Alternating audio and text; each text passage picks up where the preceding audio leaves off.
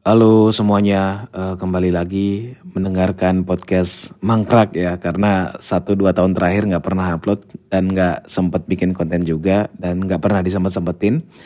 Uh, jadi saya akan mencoba merekam kembali keresahan-keresahan yang saya alami. Mudah-mudahan akan menjadi rutin di kemudian hari. Nah, ini pun saya mencoba merekamnya pakai HP karena kondisi uh, alat recording saya termasuk mikrofon juga ada di, Depok, di Depok. Sementara saya sendiri sekarang berada di Bali gitu. Jadi uh, kita akan uh, cek nanti kualitasnya setelah saya upload uh, ininya rekamannya. Nah, uh, keresahan saya ini sekarang dimulai dari uh, sebuah postingan ya, sebuah postingan yang pada akhirnya rame banget uh, diomongin sama remaja Bali khususnya di kalangan para pemuda harapan Banjar. Buat teman-teman yang nggak tahu, Banjar adalah tempat e, masyarakat Bali itu berkumpul untuk bermusyawarah, lalu untuk eh, kegiatan-kegiatan keagamaan juga beberapa juga diambilnya di Banjar dan e, kegiatan rapat atau kalau masyarakat Bali sebutnya sangkep dan kegiatan-kegiatan seperti PKK dan lain-lain. Nah, dalam setiap banjar itu, dalam satu desa itu ada beberapa banjar ya. Kalau mungkin di Jawa atau daerah di luar Bali itu namanya uh, uh, RT. Dari RT ini punya masing-masing banjarnya, kurang lebih seperti itu analoginya. Jadi uh, di setiap banjar ini ada kelompok pemuda yang disebut dengan seketruna. Seketruna. Jadi uh, singkat kata jadi ada sebuah akun Seketrune yang cukup terkenal di Bali, namanya Seketrune uh, Seketrune Yohana Sekebuana Banjar Tensiat adanya di Denpasar. Nah, Seketrune ini memang sudah menginspirasi masyarakat Bali, pemuda Bali sejak lama, sejak beberapa tahun yang lalu dari kegiatan mereka yang uh, membuat ogoh-ogoh dan beberapa inovasi yang pernah dilakukan uh, sama pemuda-pemuda di sana. Uh, singkat kata, teman-teman, jadi ada sebuah postingan yang uh, diunggah oleh akun akun mungkin teman-teman bisa cek ya biar tahu konteksnya juga ya. Di bisa dicek di @styb stySB Tainsiat. Jadi Seke Teruna Yohana Saka Buana Banjar Tainsiat. Nah, di postingan tersebut uh, terlampir bahwa jika ada konten kreator yang ingin mendokumentasikan kegiatan ogoh-ogoh dengan tujuan komersil, maka dia harus membayar kompensasi sebesar 2 sampai 5 juta rupiah. Uh, tentunya postingan tersebut kemudian menimbulkan tendensi yang negatif dari netizen sehingga keluarlah postingan baru dari mereka, yakni klarifikasi terkait regulasi dokumentasi. uh, yang mana regulasi kemudian uh, dibagi menjadi dua, teman-teman. Yang pertama adalah untuk masyarakat umum, dan yang kedua adalah untuk komersial konten kreator. Singkatnya kurang lebih seperti ini. Peraturan untuk konten kreator itu masih tetap sama, berlaku seperti postingan sebelumnya, atau mungkin bisa dihubungi langsung adminnya yang tertera di nomor telepon tersebut, mungkin bisa negosiasi dan lain-lain. Uh, sementara masyarakat umum itu diperbolehkan untuk merekam gambar dan mengunggahnya di media sosial masing-masing tanpa terkecuali. Lantas, pertanyaannya, Siapa aja sih yang termasuk masyarakat umum di sini? Siapa aja sih yang termasuk konten kreator di sini? Nah, mari kita sama-sama belajar dari uh, sebuah konsep ya ini uh, tanpa bermaksud menggurui sama sekali teman-teman. Uh, saya coba refleksikan ke dalam sebuah konsep ada yang disebut dengan uh, dengan uh, global village. Jadi dari perspektif media massa atau khususnya di di media sosial ya uh, ada sebuah konsep ada sebuah istilah yang disebut dengan uh, global village itu dicetuskan oleh uh, Marcel McLuhan di tahun 1962 dalam bukunya The Gutenberg Galaxy. Nah, McLuhan ini ngejelasin gimana media komunikasi itu uh, berhasil mempengaruhi masyarakat dan membentuk dunia seperti desa global. Desa global mungkin artinya adalah uh, uh, ibaratnya dunia itu uh, tanpa batas-batas atau tanpa border-border tertentu. Jadi karena kita itu bisa uh, mudah berkomunikasi satu sama lain, mudah berinteraksi satu sama lain dengan ke kecanggihan teknologi. Tentunya uh, global village ini dipengaruhi oleh teknologi media ya yang pasti untuk menggampangkan kita semua masyarakat dari berbagai seluruh penjuru, seluruh lapisan dunia itu baik di Indonesia terus ketemu teman yang ada di Ekuador gitu. Dari Ekuador ketemu teman yang ada di Venezuela Tenggara atau dari Venezuela ketemu sama di Bangladesh Utara gitu. Atau ketemu sama orang uh, Tirina Tobago gitu kita nggak tahu juga gitu. Jadi uh, cukup mudah dengan adanya perkembangan dengan adanya kecanggihan teknologi ini, teknologi yang kita gunakan sekarang. Jadi uh, kita bisa terkoneksi, kita bisa saling bertukar informasi tanpa uh, masalah di jarak, tanpa masalah di waktu. Nah, uh, maka dari itu di era medsos sekarang pastinya kita selain kita gampang untuk berbagi informasi, kita juga gampang untuk membuat konten pastinya dan menyebarkan konten-konten yang kita buat dengan luas dengan cepat. Meski uh, seseorang itu bisa dikatakan berfollowers sedikit ya 100 200, tapi uh, setiap orang punya kesempatan yang sama untuk uh, FYP. Setiap orang punya kesempatan untuk uh, muncul di explore Instagram. Setiap orang punya kesempatan juga untuk dinotis sama orang-orang terkenal gitu. Uh, makanya sejak uh, beberapa tahun yang lalu ya, mungkin teman-teman juga uh, pernah dengar uh, dan cukup familiar juga dengan istilah citizen journalism atau jurnalisme warga, di mana seorang warga kita semua yang berprofesi sebagai non jurnalis memungkinkan untuk memproduksi dan menyebarluaskan informasi. Seperti saya sekarang ini saya sedang merekam suara saya dan kemudian saya akan sebarkan melalui Spotify. Gitu. Nah, e, dari perkembangan teknologi dan dari istilah global village itu sebenarnya juga muncul istilah-istilah yang e, macam-macam ya, teman-teman. Kalau katanya Excel Branch ya, e, dia menggunakan istilah producer atau produce uh, buat ngejelasin setiap pengguna itu bisa memproduksi konten sekaligus mengkonsumsinya kayak saya sekarang ini.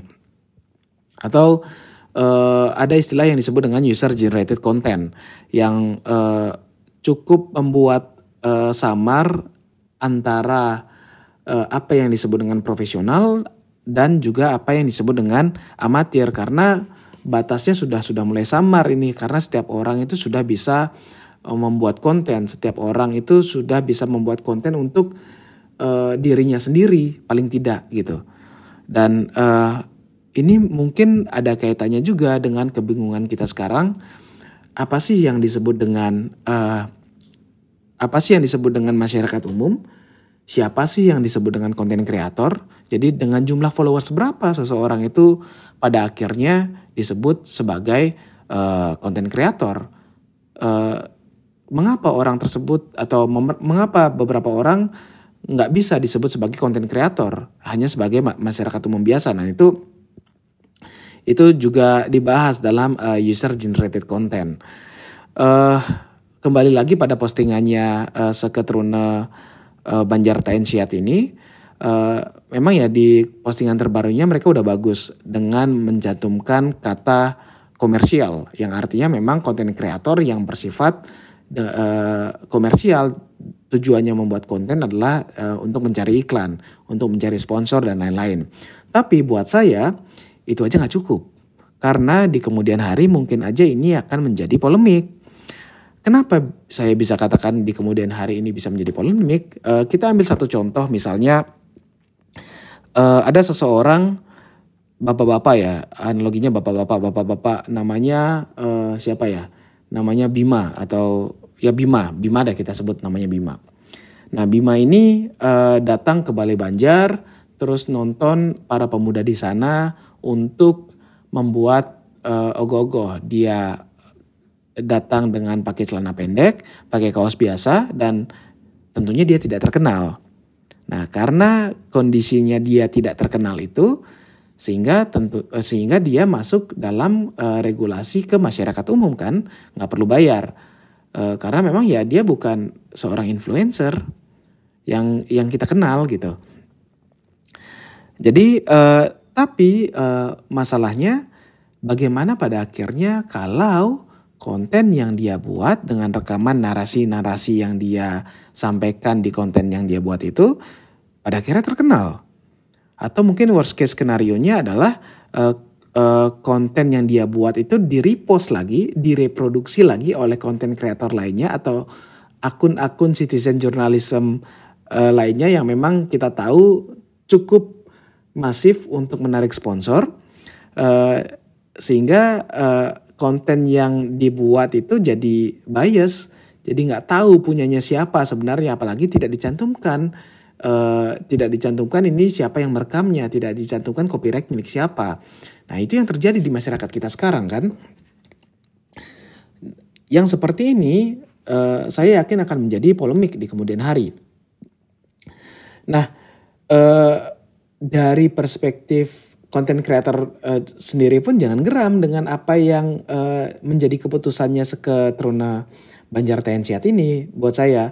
Karena mungkin aja ya mungkin aja ini ada beberapa hal yang selama ini dirasakan uh, dan dipendam oleh para pemuda Banjar ini sehingga menjadi snowball effect uh, sampai sekarang. Sehingga dia mau tidak mau secara terpaksa mengeluarkan statement seperti itu gitu ya bisa aja ya bisa aja yang pertama kendalanya ada pada konten kreator itu bisa mengganggu dalam setiap liputannya itu mengganggu kenyamanan dari uh, mengganggu kenyamanan si uh, pemuda-pemuda Banjar ini. Jadi mungkin aja liputannya nggak kenal waktu, mungkin aja disuruh gaya begini si salah satu pemuda disuruh gaya begitu sehingga pekerjaan mereka itu menjadi terhambat dan deadline yang mereka harus kumpulkan tepat waktu jadi diundur gitu.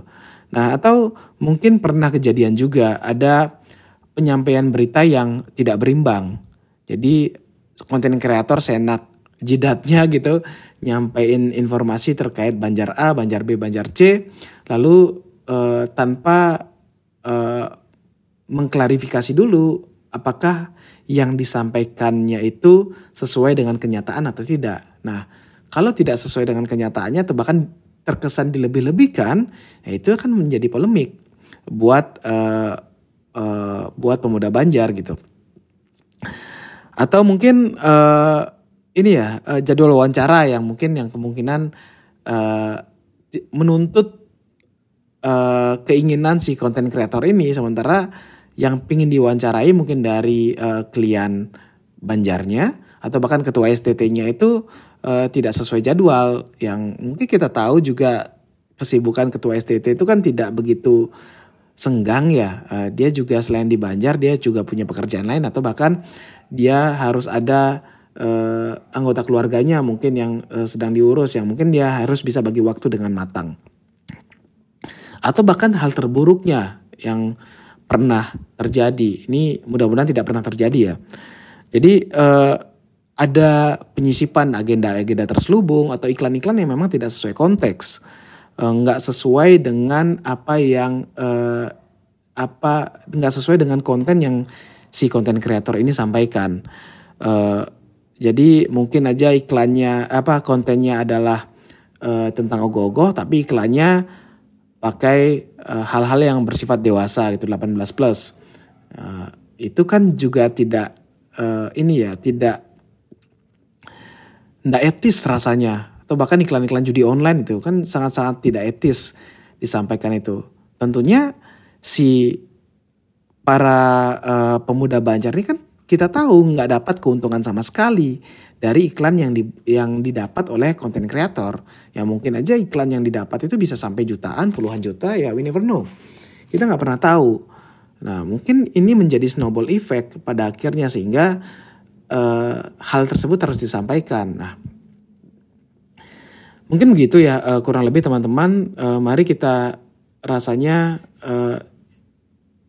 semakin hari semakin semangat juga yang saya lihat dari kegiatan para uh, pemuda Banjar ini nggak cuma di Seketruna di Banjar Tensiat, namun juga di seluruh desa juga sekarang uh, cukup cukup antusias karena memang uh, setelah bertahun-tahun ya uh, cukup terhambat karena adanya pandemi COVID-19, jadi sekarang bisa dikatakan sebagai ajang pembalasan dalam tanda kutip ya. uh, untuk mengeksplor diri, untuk berkarya, untuk ketemu sama teman-teman di Banjar dan membuat sebuah mahakarya yang disebut dengan ogoh-ogoh. Mungkin begitu aja yang bisa saya tampaikan teman-teman. Uh, mari kita, kayaknya kita harus bisa buat suasana Banjar itu tidak menjadi eksklusif ya. Uh, tidak ada egosentris dari Banjar, mana Banjar yang lebih bagus, mana Banjar yang lebih keren gitu. Uh, kita buat Banjar ini jadi suatu wadah yang inklusif, merangkul banyak orang, sehingga juga uh, di inter pemuda Banjar terjalin hubungan yang harmonis antara seketeruna dengan konten kreator juga bisa saya tidak menggunakan bahasa saling menguntungkan di sini mungkin lebih tepatnya adalah bisa berkolaborasi bisa berkolaborasi untuk untuk menghasilkan sesuatu yang baik itu kayaknya lebih tepat bahasanya. Ya itu aja. Uh, terima kasih kiranya untuk uh, Banjar uh, yang memang sudah menjadi inspirasi uh, estetis di Bali selama beberapa tahun terakhir dan semangat untuk seluruh teman-teman STT di Bali. Ayo kita ke Banjar.